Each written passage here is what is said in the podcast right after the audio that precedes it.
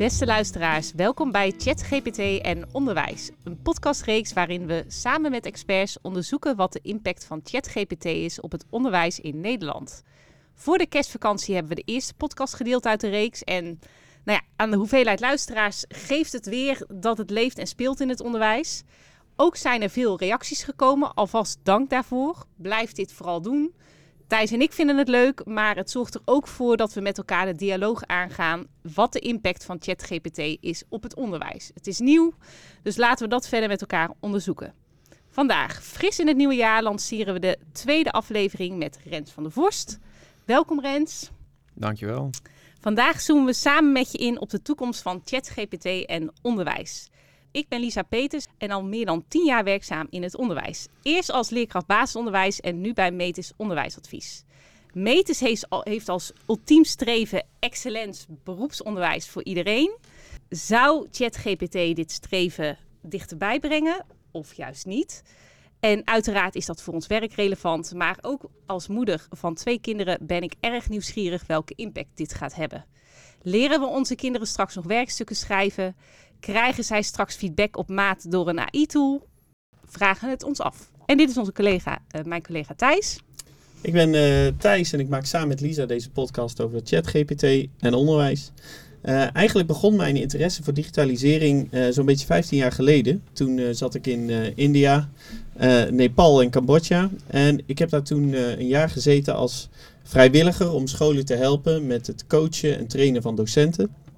We hebben daar toen ook leerlingen uit Nederland in contact gebracht met leerlingen uit Azië. En dat deden we toen middels de wereldpraatjes. Uh, dat is eigenlijk een uh, verkapte manier van chatten. En ons grote hulpmiddel was toen Google Translate. Maar Google Translate in 2008 was iets anders dan Google Translate nu. Dus er kwamen hele grappige, interessante gesprekken uit. Maar toch, het was ook toen al mogelijk om twee werelden met elkaar te verbinden. Als ik nu naar de ontwikkeling van ChatGPT kijk, dan is die ontwikkeling van digitale mogelijkheden eigenlijk alleen maar sneller gegaan. En daarom ben ik ook zo enthousiast over deze podcast, waarin we in gesprek gaan over ChatGPT en het onderwijs van vandaag. Oké, laten we eerst even stilstaan. Wat is ChatGPT? En daar kan Rensels vast meer over vertellen. Uh, ik begreep ook, hè, Google is ook een beetje in de stress, want zou het wellicht Google gaan vervangen? Nou, waarom? Bij ChatGPT kan je uh, uh, kennis opzoeken. Hè? Dus door middel van een vraag kan je een uh, antwoord krijgen op je vraag. Maar het geeft ook in een bruikbare, leesbare tekst tot je. Ja, iedere aflevering gaan we in gesprek met een expert en vervolgens leggen we deze expert een aantal prangende vragen of dilemma's voor. In deze aflevering gaan we in gesprek met Rens van der Vorst. Hij is docent bij Fontes ICT en techfilosoof. Daarnaast is hij auteur van de boeken Appen is het nieuwe roken en Waarom je altijd wil winnen van je navigatiesysteem. Ook zijn columns van de Fontis zijn bekend en berucht. Rens, wat doet een techfilosoof? Die denkt na over de impact van technologie. Dat is het wel een beetje. Dus uh, dat lijkt heel ingewikkeld, maar dat is het niet. Valt best mee. Ja. En uh, dan wel een beetje op een, uh, op een wat diepere manier dan andere mensen. Dus uh, wat ik vooral doe, is ik probeer eigenlijk heel fonds op wat hoger niveau te krijgen als het gaat over wat betekent technologie nu eigenlijk voor ons. Uh, en wat betekent technologie voor onze maatschappij. En hoe we op elkaar reageren en hoe we ons tot elkaar verhouden. En dat is volgens mij uh, nou, de allerbelangrijkste vraag van deze tijd. Oké, okay, en, en, en wat wakkerde de lancering van ChatGPT daarbij aan? Ja, nou ja, ik, ik kijk daar natuurlijk niet zozeer uh, naar vanuit een technische blik, want ik ben helemaal niet technisch. Ik, ben, uh, ik kan helemaal niks eigenlijk. Maar ik kijk er vooral vanuit een, uh, een blik bij wat betekent het eigenlijk precies, zoiets. En, en niet zozeer van wat betekent het voor wat je ermee kunt, maar ook wat betekent het voor wat er verloren gaat. En, en hoe gaat dat mensen beïnvloeden en veranderen. En wat ik tegen, altijd tegen mijn studenten zeg is, kijk, technologie is eigenlijk, als je iets met technologie doet, ben je eigenlijk mensen aan het veranderen en de maatschappij aan het veranderen. Dus je bent eigenlijk ethiek aan bedrijven met andere middelen.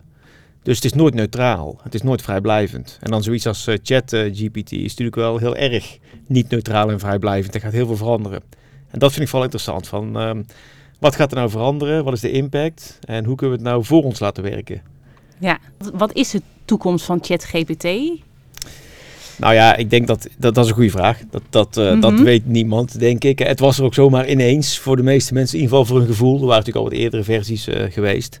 Ehm, ja, de goede vraag. De, toekomst kan allerlei kanten op. Het, kan natuurlijk, het zal ongetwijfeld veel beter gaan werken dan het eh, nu werkt.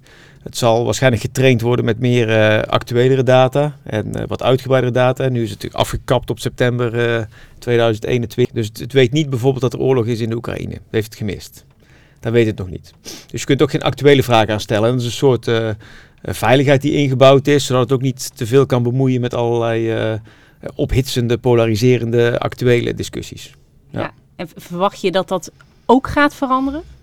Ik verwacht van wel, ja. Dat gaan ze ook wel inbouwen waarschijnlijk. En Dit is, natuurlijk- dit is natuurlijk gewoon een, eh, een testversie. Die ze vooral kijken in hoe goed werkt dit, wat voor impact krijgen ze, waar zoeken mensen op, hoe gebruiken mensen het eh, en hoe kunnen we het verbeteren. Dus dit is nog maar het begin. Ja, en, en jij had pas een, een, een column geschreven hè, en dan maakte hij eigenlijk een mooie quote. Ik lees hem heel even voor. ChatGPT is als een zakje thee dat steeds opnieuw in heet water wordt gedompeld. Op een dag is er geen smaak of kleur meer aan. Dat is de dag dat we van ChatGPT af zijn. Ja, dat zou kunnen. Ja. Kijk, chat, eh, misschien moet je eerst even iets begrijpen. Volgens mij is chat, eh, eh, GPT is echt een, is een bullshitter. Mhm. En een bullshitter, dat is eh, ooit was, had je een, ehm, een professor, die heette Harry Frankfurt. En die schreef een, een boek dat heette On Bullshit. En dat, eigenlijk, kijk, iemand die liegt, die moet eh, iets weten van de waarheid. Hè? Want anders kun je niet liegen. Maar je hebt ook mensen die, die, maken, die hebben helemaal geen interesse in de waarheid, die bullshitten. Die, die lullen maar wat. Die proberen zo geloofwaardig mogelijk over te komen. Trump, goed voorbeeld. Maar heel veel mensen doen dat. En eh ChatGPT is eigenlijk de, de ultieme bullshitter. Dus het enige wat het programma wil, is zo geloofwaardig mogelijk overkomen. Het maakt hem eigenlijk niet uit of het onzin is wat hij vertelt. Hij heeft ge- geen enkele notie van de waarheid. Nee, helemaal niet. En hij probeert, maar hij probeert wel heel geloofwaardig zijn antwoord te formuleren. En het grote probleem is natuurlijk dat de meeste mensen heel veel moeite hebben om eh, waarheid en bullshit te onderscheiden. Want onze wereld zit vol met bullshit. En ja, die mensen hebben nu een enorme assistenten erbij gekregen. En eh, ja, dat is dit, eh, dit product. En dat, ehm, ja, dat betekent dus ook als... eh, kijk, dit product is natuurlijk getraind op data die van het internet komt. En als dit product steeds meer data gaat produceren en nog meer produceren, en het kan het heel snel, dan komt het internet vol met eh, data die geproduceerd is door, door dit soort tools. Want dit wordt niet de enige, er komen er wel meer. Je hebt ook al schrijven.ai en zijn wat andere ook. En als het hele internet vol zit met dit soort ehm, ja, door AI geproduceerde teksten, en die traint weer op zijn eigen teksten, en die traint weer op zijn eigen teksten, op een gegeven moment hou je niet zoveel over. Dan hou je alleen maar Hij, Hey. gaat, hij gaat eigenlijk zijn eigen informatie eten. Ja, het is gewoon een zakje thee wat steeds opnieuw gebruikt wordt. En de thee wordt steeds minder, eh, wordt steeds smakelozer. En de truc is dat wij mensen moeten snappen van... hé, hey, maar wij eisen wel iets meer van teksten die geproduceerd worden... en van wat wij willen lezen. Alleen dat is denk ik het grootste probleem. Ja. Kun- kunnen we dat straks nog zien? Hè? Ja, nou ja, weet je, je weet ook dat zeg maar, de kip die jij nu eet... die smaakt helemaal niet meer naar de kip eh, uit de jaren 50. Hè? Daar zat veel meer smaak aan. Dus hoe zit het met die thee en hoe zit het met de teksten? Dus... eh, het is nu al heel moeilijk om te zien of een tekst geproduceerd is door dit systeem of door een echte student. Dat, dat merk ik zelf ook al nu wel in de dagelijkse eh, praktijk. Maar ja, dat wordt, dat wordt alleen maar erger, denk ik. Ehm, Ja, want kan je daar iets over vertellen? Jij bent zelf ook docent bij Ja. Fonds ICT. ja. Ja, ja, ja wat, je, wat je natuurlijk ziet is dat als je een heel simpel opdrachtje hebt om mensen wat te activeren, bijvoorbeeld eh, schrijf een essay over eh, de relatie tussen zelfrijdende auto's en eh, filosofie, noem maar wat. Dan is dat best een leuk opdrachtje, is twee pagina's, iemand doet dat, geeft wat feedback op en zo activeer je een student. Ja, nu krijg je een essay binnen en denk je van ja, ja, het ziet er heel goed uit. En hoe beter het eigenlijk eruit ziet, dat is het erge, hoe meer je denkt van, ja, die heeft vals gespeeld, denk ik. Ja. Maar heeft hij dan echt vals gespeeld? Of is hij heel goed in staat geweest om de juiste vragen te stellen aan eh ChatGPT? Want als je de juiste vragen stelt, dan krijg je de juiste antwoorden. Dus kan die eigenlijk heel goed dat programma besturen of niet? Ja, zo- zoals je het tot nu toe een beetje omschrijft, eh, krijg ik de indruk dat je, het, dat je het vooral ook nog wel ziet als een bedreiging. Ehm, nou, ik denk dat het zeker een bedreiging is. Ja. Ja. Een bedreiging waarvoor? Eh, ik denk namelijk dat ehm, het grote probleem van eh, deze pakket... Nou, ik zal een analogie doen die, waar ik over na zit te denken. Stel dat jij, jij wil leren heel hard eh, te fietsen. Tour de France niveau of zo. En ehm, jij, jij wil dat... ehm, eh, als je, dan moet je hard trainen, toch? En als je op in Tour de France bent, mag je niet vals spelen. Mag je geen ehm, doping gebruiken of geen motortje in je frame proppen. Maar als je, dat al, als je dat al zou doen doping gebruiken, monitoring je frame proper, terwijl je aan het trainen bent, terwijl je 13 bent of zo, dan word je nooit een goede wielrenner. Nee, want dan Nee. bouw je nooit die spiermassa op. Nee, dus je hebt een soort, je moet bepaalde basisvaardigheden onder controle hebben. Eh, bijvoorbeeld, je moet leren coderen. Nou, dan moet je heel simpel leren coderen, wat, wat ChatGPT ook makkelijk kan. Maar dan moet je zelf leren. Want je moet dat eerst kunnen, om vervolgens dingen te kunnen doen waar zulke pakketten niet eens in de buurt komen. Maar je hebt echt een basiskennis nodig en die moet in je hoofd zitten. En vaardigheden nodig die je moet kunnen. En toetsen is een middel, hè? toetsen is geen doel. Dat de onderwijs, die, die snapt ook niet altijd goed. Maar toetsen is een middel om studenten te verleiden om zich daadwerkelijk in iets te verdiepen. Want Ja. intrinsiek ja, zijn ze helemaal niet gemotiveerd natuurlijk. Ze zijn 14 of 15. Nou, als je, die, als je dat middel ehm, zeg maar eenvoudig te vervangen is door chat eh, GPT, ja, hoe, hoe gaan die studenten dan nog eh, gemotiveerd worden om echt te oefenen met iets? En die vaardigheden te creëren die echt noodzakelijk zijn om straks echt iets goed te kunnen.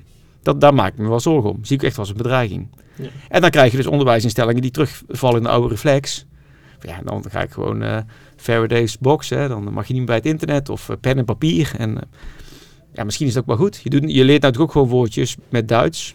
Ga je ook niet zeggen van ja, gebruik maar Google Translate en eh, doe thuis maar de vertaling van die Duitse woordjes, want dan haalt iedereen het. Dus Ja, dus jij zou voorstander zijn om terug te gaan naar, naar pen en papier?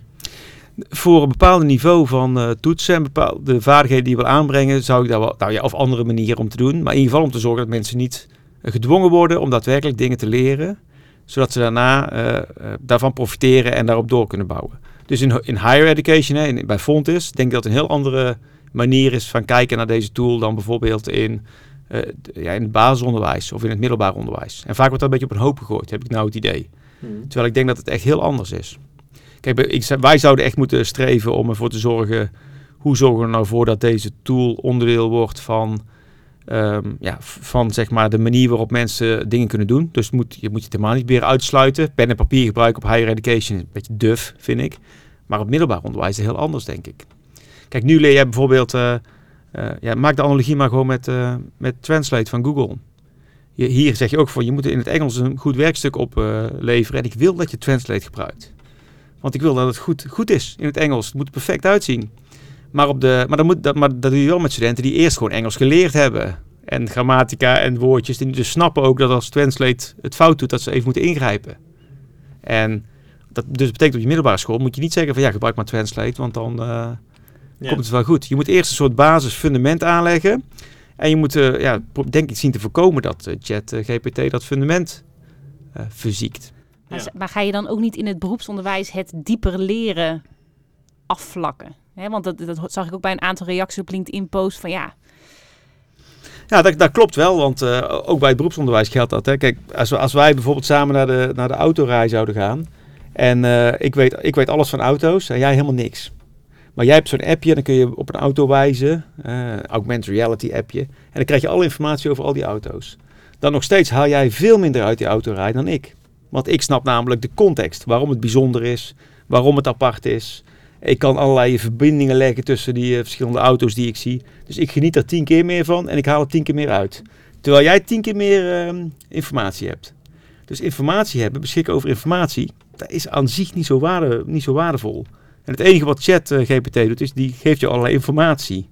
Maar dat is niet wat waardevol is. Je moet betekenen wat die informatie, of begrijpen wat die informatie betekent. En juist door dit soort tools zou dat wel eens in de weg kunnen zitten. Vervlakken, zoals jij zegt. Ja. En daar gaat het volgens mij om. Je, moet, eh, je kunt iets wel lezen, maar je moet het ook begrijpen. En dat is echt iets heel anders. ja en, en, en wat zou jouw advies dan zijn? Van wat, wat moet je daar als opleiding mee? Nou, ik denk dat je dus andere, andere onderwijsvormen moet bedenken. Die veel meer, eh, eh, ja, die, daar ben ik wel bang voor, die weer veel meer eh, eisen van de docent. Hè? Dus daar krijg je meer van, ja, je moet meer interactie hebben. Je moet erover praten. In plaats van schrijf een essay over dit onderwerp, vraag je, praat met mij vijf minuten over het onderwerp. In een interactieve dialoog. Dat is natuurlijk iets, al- maar dat kost mij elke keer vijf minuten. In plaats van dat ik het essay moet, eh, moet lezen. En het, het vraagt weer weer van logistiek en planning en dat soort eh, elementen. Maar dat zul je wel moeten doen, denk ik. Dat soort dingen zullen we moeten, moeten we gaan bedenken. En denk je dat er onderwezen zou moeten worden op de tool zelf? Zeker, ja. Heel erg. Want ik denk, kijk, vragen is het nieuwe antwoorden. Hè? En dat is echt heel belangrijk. Dus eh, die chat GPT is natuurlijk fantastisch. Als je heel goed de juiste vragen kan stellen. En als je ook kan inschatten, hé, hey, hij zit fout. Hij heeft het niet goed, denk ik. Nou, die twee dingen zijn natuurlijk cruciaal. Het, een, het tweede kan je alleen maar doen als je de informatie alvast begrijpt. En het eerste is echt gewoon uh, onderwijzen. Hoe stel je de juiste vragen aan zo'n tool? En vanaf wanneer zou je dan moeten onderwijzen op die tool? Wat mij betreft al vanaf de eerste klas uh, middelbare school. Vanaf het begin van de middelbare? Ja, want je kunt prima die tool onderwijzen en met die tool werken. En tegelijkertijd gewoon mensen nog uh, soms met pen en papier in een hok jagen. Dit, die twee dingen die sluit ik eigenlijk niet uit. Oké. Okay. Nou, dat vind ik echt, uh, dat kan prima. Um, en, en dit is de, de, zeg maar de huidige stand. Hè. Dit is uh, ChatGPT 3.5. Um, uh, de vorige podcast hebben we dat ook kort aangehaald. Dat, dat de, de slimheid van computers verdubbelt eigenlijk iedere twee jaar. Um, hoe, ja, maar daar ben ik het niet mee eens, hè? Want dat is echt wel, wat jij nou zegt, is een van de grootste misvattingen die oh, bestaan. Ja. Vertel. De rekenkracht verdubbelt elke twee jaar. Ja. Maar dat is niet de slimheid, hè? Dat is echt iets heel anders. Ja. Dus uh, meer, meer compute, meer uh, procescapaciteit is echt iets heel anders dan twee keer zo slim worden. Ja. Ja. Maar, maar het heeft wel invloed op de mogelijkheden van zo'n programma. Zeker, zeker. Maar filosofeer eens mee. Over tien jaar, waar staan we dan met deze tool? Nou, die kan het dan nog veel beter. Hè? Die kun je dan niet meer onderscheiden van, uh, van zeg maar een gesprek met een mens. Er komt bij de Turing-testen in de buurt. Hè? Het gesprek met zo'n chat, uh, GPT, wordt, ja, dat weet je niet meer. Dus dan krijg je het in chatbots, in persoonlijke assistenten, in uh, mensen die je aan de telefoon krijgt of waar je tegen praat of wat dan ook. Dat ga je echt waarschijnlijk wel, wel krijgen. En dat betekent dus ook dat, maar het is maar zeer of we daarmee met z'n allen vooruit gaan natuurlijk. Dat, dat is echt wel iets wat uh, meer aan de filosofische kant zit. En waar je steeds meer mensen ook over hoort. Hè, is efficiëntie, is dat echt waardevol? Want ChatGPT is super efficiënt. Maar is efficiëntie een waarde in zichzelf? Volgens mij niet. Een simpel voorbeeld. Vroeger ging ik altijd, um, ging ik altijd naar, de, uh, naar, naar, een afspraak in Utrecht. Elke, elke één keer in de maand. En dan was anderhalf uur in de trein. Uurtje afspraak, anderhalf uur terug. Nu doe ik dat via Teams. Heel efficiënt. Maar die andere drie uur, die ga ik niet nog een beetje relaxen. Buiten kijken in de trein en even nadenken. Nee, dan ga je weer opvullen met andere dingen. Dus wordt er echt niet beter van. Dus dat als dingen onbeschikbaar zijn of niet efficiënt of als dingen moeite kosten, dan zijn ze juist daar vaak de moeite waard. En waar, waar wrijving is en waar het ingewikkeld is en waar frictie is, daar worden dingen geleerd. Dus als alles heel eenvoudig is en alles beschikbaar, hoe motiveer je mensen dan ook om slimmer te worden? Om dingen te leren. Dus haalt technologie niet dan juist iets weg in plaats van dat het iets toevoegt? Dus dat, dat is echt wel iets om je zorgen over te maken, denk ik. In plaats van heel erg blij over te zijn. En overigens, ik ben wel voor vooruitgang, hè. Maar je kunt best voor vooruitgang zijn en kritisch uh, op technologie. Het wordt vaak uh, door elkaar gegooid. En ik denk dat we daar echt wel over na moeten denken. Van, um, ja, hoe zorgen we er nou voor dat dit soort dingen dan toch ons nog iets toevoegen? Jullie zijn onderwijsadviseurs, toch? Mm -hmm. Je schrijft ook als adviesrapportjes waarschijnlijk. Ja. Zeker. Nou, hè? Ja. Dus het wordt niet meer de kwaliteit om het adviesrapport te schrijven, maar de kwaliteit wordt om de juiste keuze te maken uit die adviezen. Ja.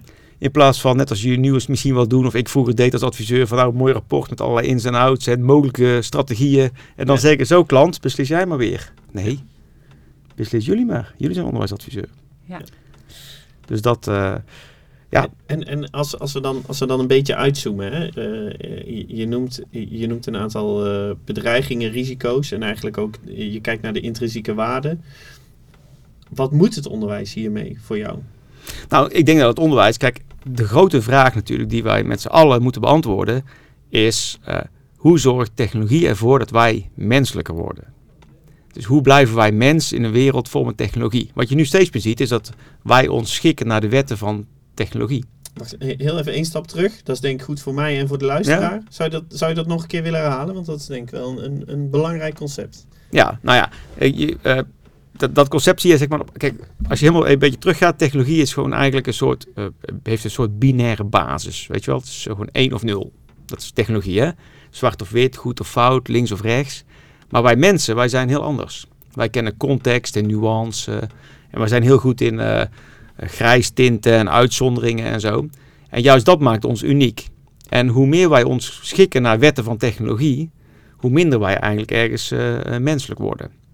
En hoe minder uniek. En hoe minder uniek. Ja. En hoe moeilijker het wordt om een chatbotgesprek te onderscheiden van een gesprek met een, uh, met een mens.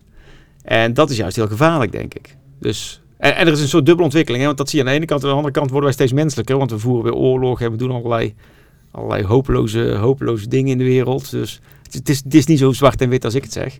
Maar juist ehm, in het onderwijs je afvragen wat maakt mensen nou uniek en hoe versterk ik die unieke capaciteiten van mensen. Dat, dat is volgens mij de grote uitdaging die we met z'n allen moeten, uh, moeten doen. Dus ChatGPT is fantastisch voor een, als het de administratie kan doen van een verpleegkundige of een wijkverpleegkundige, helemaal automatisch. is toch fantastisch? Want dan kan die wijkverpleegkundige zich 100% richten op het menselijke contact met de patiënt. Dat is fantastisch. Dat betekent dat wij juist het menselijke contact met zo'n patiënt moeten onderwijzen. Ja. En niet meer uh, hoe je goed moet administreren. En zo zie je vakken, beroepen natuurlijk ook heel erg gaan veranderen. Aan de andere kant denk ik dat we nog steeds meer werk zullen krijgen. Want we horen natuurlijk al 30 jaar dat uh, technologie ons werk zal eh, weghalen. Maar het gebeurt natuurlijk nooit. En het gaat volgens mij nooit gebeuren. Nee. De, de efficiëntie kost een hoop tijd op de een of andere manier. Ja, maar dat is ook zo natuurlijk. Dat zie je gewoon elke keer. Je denkt dat je met efficiëntie iets bereikt, maar uh, mail is het beste voorbeeld. Hè, 30 jaar geleden introduceerden wij mail. En toen zeiden we van, dat is handig. Dan hoef je geen brieven meer te typen en niet meer te posten en zo. Dit zal ons veel tijd besparen. Ik kom nooit meer iemand tegen die zegt, mail, dat bespaart mij veel tijd. Nee. En de volgende stap is natuurlijk, dan krijg jij uh, thuis, zet jij op jouw mail, zet, jou, zet jij chat uh, GPT. Dus dan worden jouw mailtjes automatisch beantwoord. Maar jij ook. Jij zet het er ook op. En dan gaan jullie elkaar zitten mailen, of in ieder geval die pakketten. Dan zijn allemaal leuk bezig met elkaar. En dan ja. schiet het nog steeds niet op. Dus waar, wat, wat maakt ons nou um, uniek en menselijk? En wat, is, wat kunnen wij, wat, wat dit soort systemen eigenlijk nooit kunnen? En dat moet je veel meer uh, volgens mij onderwijzen. En daar moet je veel meer op richten. Ja. En zijn er dan opleidingen waarvan je zegt, die moeten zichzelf echt die vraag heel erg gaan afstellen als, als, dat dit, dit soort ontwikkelingen verder gaan? Nou ja, kijk, ik zei helemaal in het begin dat, is, uh, dat, dat dit is vooral een bullshitter. Hè? Mm -hmm. En dat is heel goed in. En je hebt een, het concept van de bullshit jobs. Ken je dat? Dat heeft David Graeber, dat is een filosoof, die heeft ooit bedacht van... Ja, heel veel mensen doen eigenlijk een soort baan die onzinnig is. Een soort bullshit job. Dus die, uh, als die met z'n allen gaan staken, dat interesseert echt niemand. Kijk, buschauffeurs die gaan staken, paniek verpleegkundigen ook. Als procurement officers of senior kwaliteit officers of onderwijsadviseurs of technofilosofen gaan staken. Dat ja. interesseert eigenlijk ja. helemaal niemand. Dus al die beroepen die opleiden voor dit soort bullshit jobs. Mensen die adviesrapportjes schrijven, dingetjes doen, uh, kwaliteitsdingetjes uitvoeren, uh, nou, adviseur zijn. die hebben echt een probleem, denk ik. Iedereen die echt wat doet, die verpleegkundige is, die stucador is, die programmeur is, ook iets minder al, hè, maar want dat wordt ook heel dubieus. Maar die iets doet, ja, die is veel waardevoller. Maar zou je dan bijna kunnen zeggen, je moet weer met je handen gaan werken, want dan, uh, hè, je moet weer in de actiestand, nou, want moet... al het, alle kennisgerelateerde... Nou, misschien niet met je handen, maar wel met, uh, uh, met, met, je mens zijn. Met je driedimensionale vaardigheden ten opzichte ja. van andere mensen. En dat kan met je handen zijn, maar ook gewoon in een gesprek of met contact of wat dan ook. Dat zal wel steeds unieker en belangrijker worden, denk ik alles in relatie tot, tot andere mensen. Ja. Die, die vaardigheden. En, en uh, wat, wat betekent dat dan voor, uh, hè, als je kijkt naar de vraag waar leiden wij toe op, uh, is, die, is dat antwoord dan eigenlijk niet gewoon heel snel aan het veranderen nu? Met sociale media en dit soort dingen en makkelijk kunnen vertalen van het als we heel snel. Dus de vraag is even waar vindt dat kantelpunt precies plaats? Dus dat is echt wel. Maar het zal, het zal waarschijnlijk op allerlei uh, sommige punten heel anders ingrijpen als op andere punten. Kijk, mensen die, uh, hoe heet die gasten die nou de, de, die work, workations doen, weet je wel, die werken dan vanuit Thailand of zo, hè? Die programmeren oh, ja, ja. daar of die, mm -hmm. die hebben wel een probleem, denk ik. Ja, ja. ja, want die, zitten dus, die werken eigenlijk alleen maar in dat tweedimensionale vlak zonder die menselijke relatie. Correct. En, en die, jij zegt, die voegen in de toekomst uh, uh, niks meer toe. Nee, steeds ja. minder toe. Ja. Dus mensen die zeggen, ik werk graag thuis, ik zit graag achter mijn computer, ik vind dat heerlijk, ik kan ik mijn eigen tijd indelen.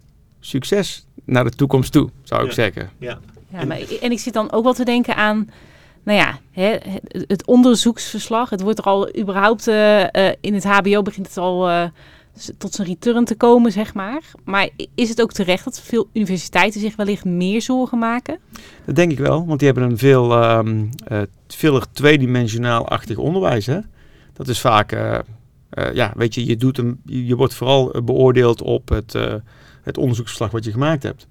Terwijl als je tegen een student zegt van, beste student, jij doet voor mij een half jaar, ga je voor mij werken. Ik spreek jou elke, elke week.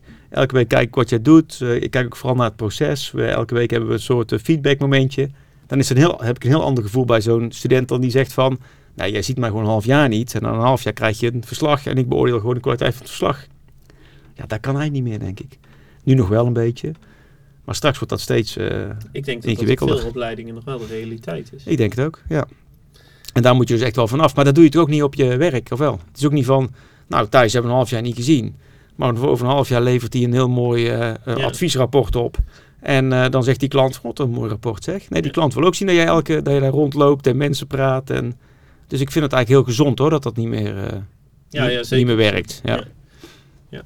Ehm, eh, misschien maar even. ehm, eh, ik hoorde jou net zeggen, nou, het, het zou goed zijn ehm, eh, als, als bijvoorbeeld op middelbare scholen er niet in iedere situatie met ChatGPT gewerkt zou worden.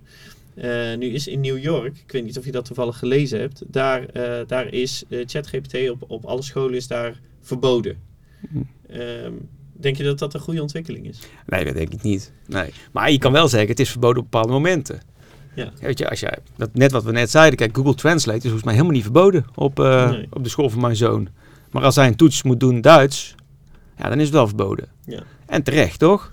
Ja. Want hoe moet hij anders gemotiveerd worden om Duits te leren als hij gewoon altijd maar gebruik kan maken van die tool?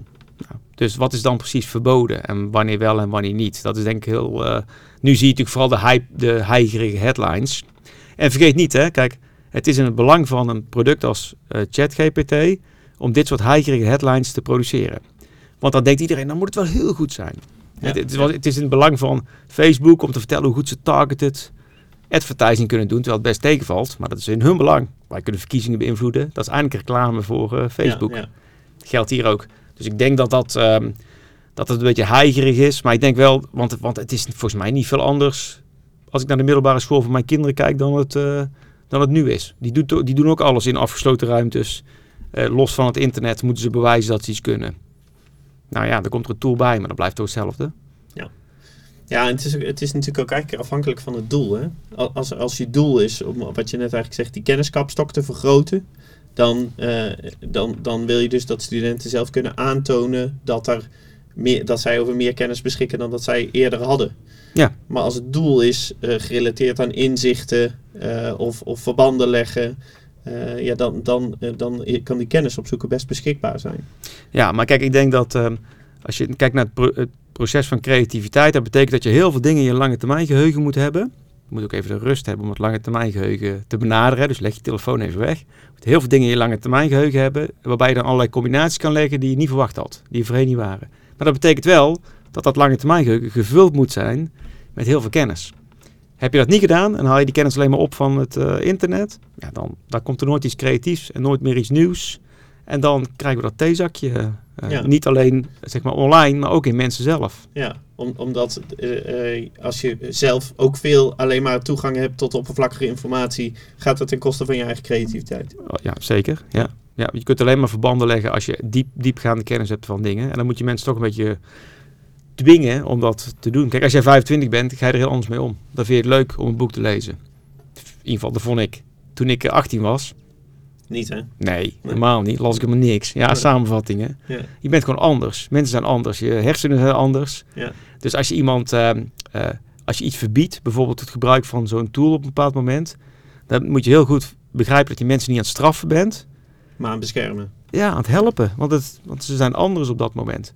En dus je moet echt heel goed nadenken van wat wil ik nou bereiken bij zo iemand en hoe zet ik dan bepaalde, de toegang tot bepaalde tools wel of niet in.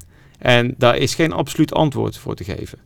Dat vind ik echt wel, het, heel, het ligt heel erg aan wat moet iemand leren, wat is zijn kennisniveau op dat moment, wat kan dit toevoegen. En zo zijn er dus ook heel veel, heel veel ehm, eh, gebieden waarin juist het gebruik van zo'n tool heel erg aan te raden is. Of heel erg eh, te motiveren. En heel veel gebieden gewoon niet. Dat dit een hype is, is het antwoord daar dus op nee op?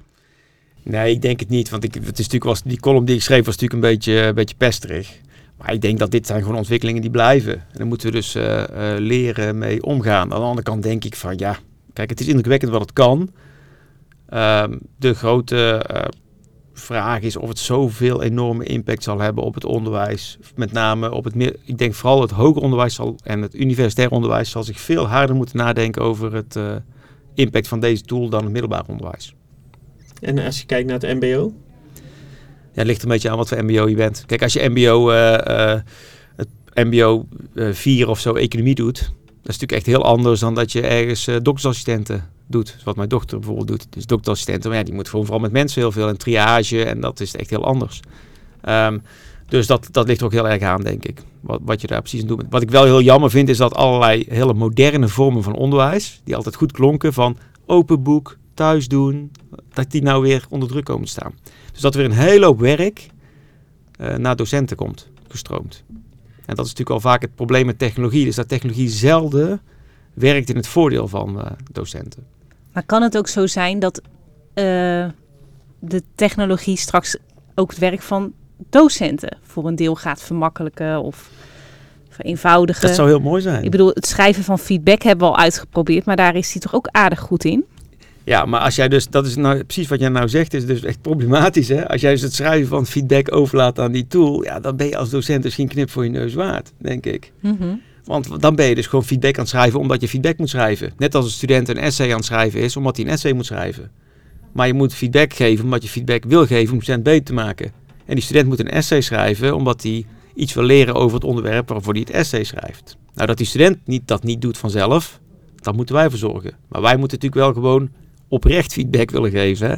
En niet zeggen van, god, ik heb nog tien eh, dingen die ik moet nakijken. Maar gelukkig heb ik nu een, mijn nieuwe vriend en die laat ik het wel even nakijken. Want dat, eh, nou, dan is het net of jullie elkaar zitten mailen. Dan is dat alleen mijn relatie met studenten. Het lijkt me niet de bedoeling. Maar, maar deze bewustwording, dit concept, is denk ik wel, wel heel belangrijk. Want, want je hebben net, stelden we de vraag, eh, waartoe leid je op? Maar, maar dat, als je hem die kleiner maakt, waarom geef ik mijn studenten feedback? En, en welke middelen zet ik daarvoor in? En wat is de waarde van, van die feedback? Dat zijn eigenlijk wel vragen waarvoor je voor jezelf eerst een antwoord op moet hebben, voordat je gaat kijken welke middelen zet ik ervoor in om die, om die feedback te geven. Ja, Eh, absoluut. Want het kan dus nu allemaal, maar moet je het altijd willen gebruiken? Ja, ja. Eigenlijk is, moeten niet alleen eh, leerlingen of studenten onderwezen worden eh, hierop, maar eigenlijk, eigenlijk moet, zou iedere docent hier ook op moeten worden onderwezen. Dat denk ik ook. Ja, ja dat, dat denk dat dat zou heel erg ehm, eh, zinnig zijn, denk ik. En het zou fijn zijn als dit soort tools eens een keer aan de andere kant zouden werken. Namelijk onze administratieve overlast en dat soort dingen. Want dat hoor je natuurlijk overal. Hè?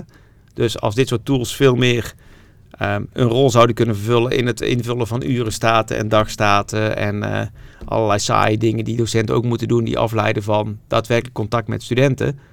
Dan zou er ook heel veel ruimte kunnen vrijkomen om op een andere manier onderwijs in te richten zonder dat je drukker krijgt. Dat zou natuurlijk wel mooi zijn.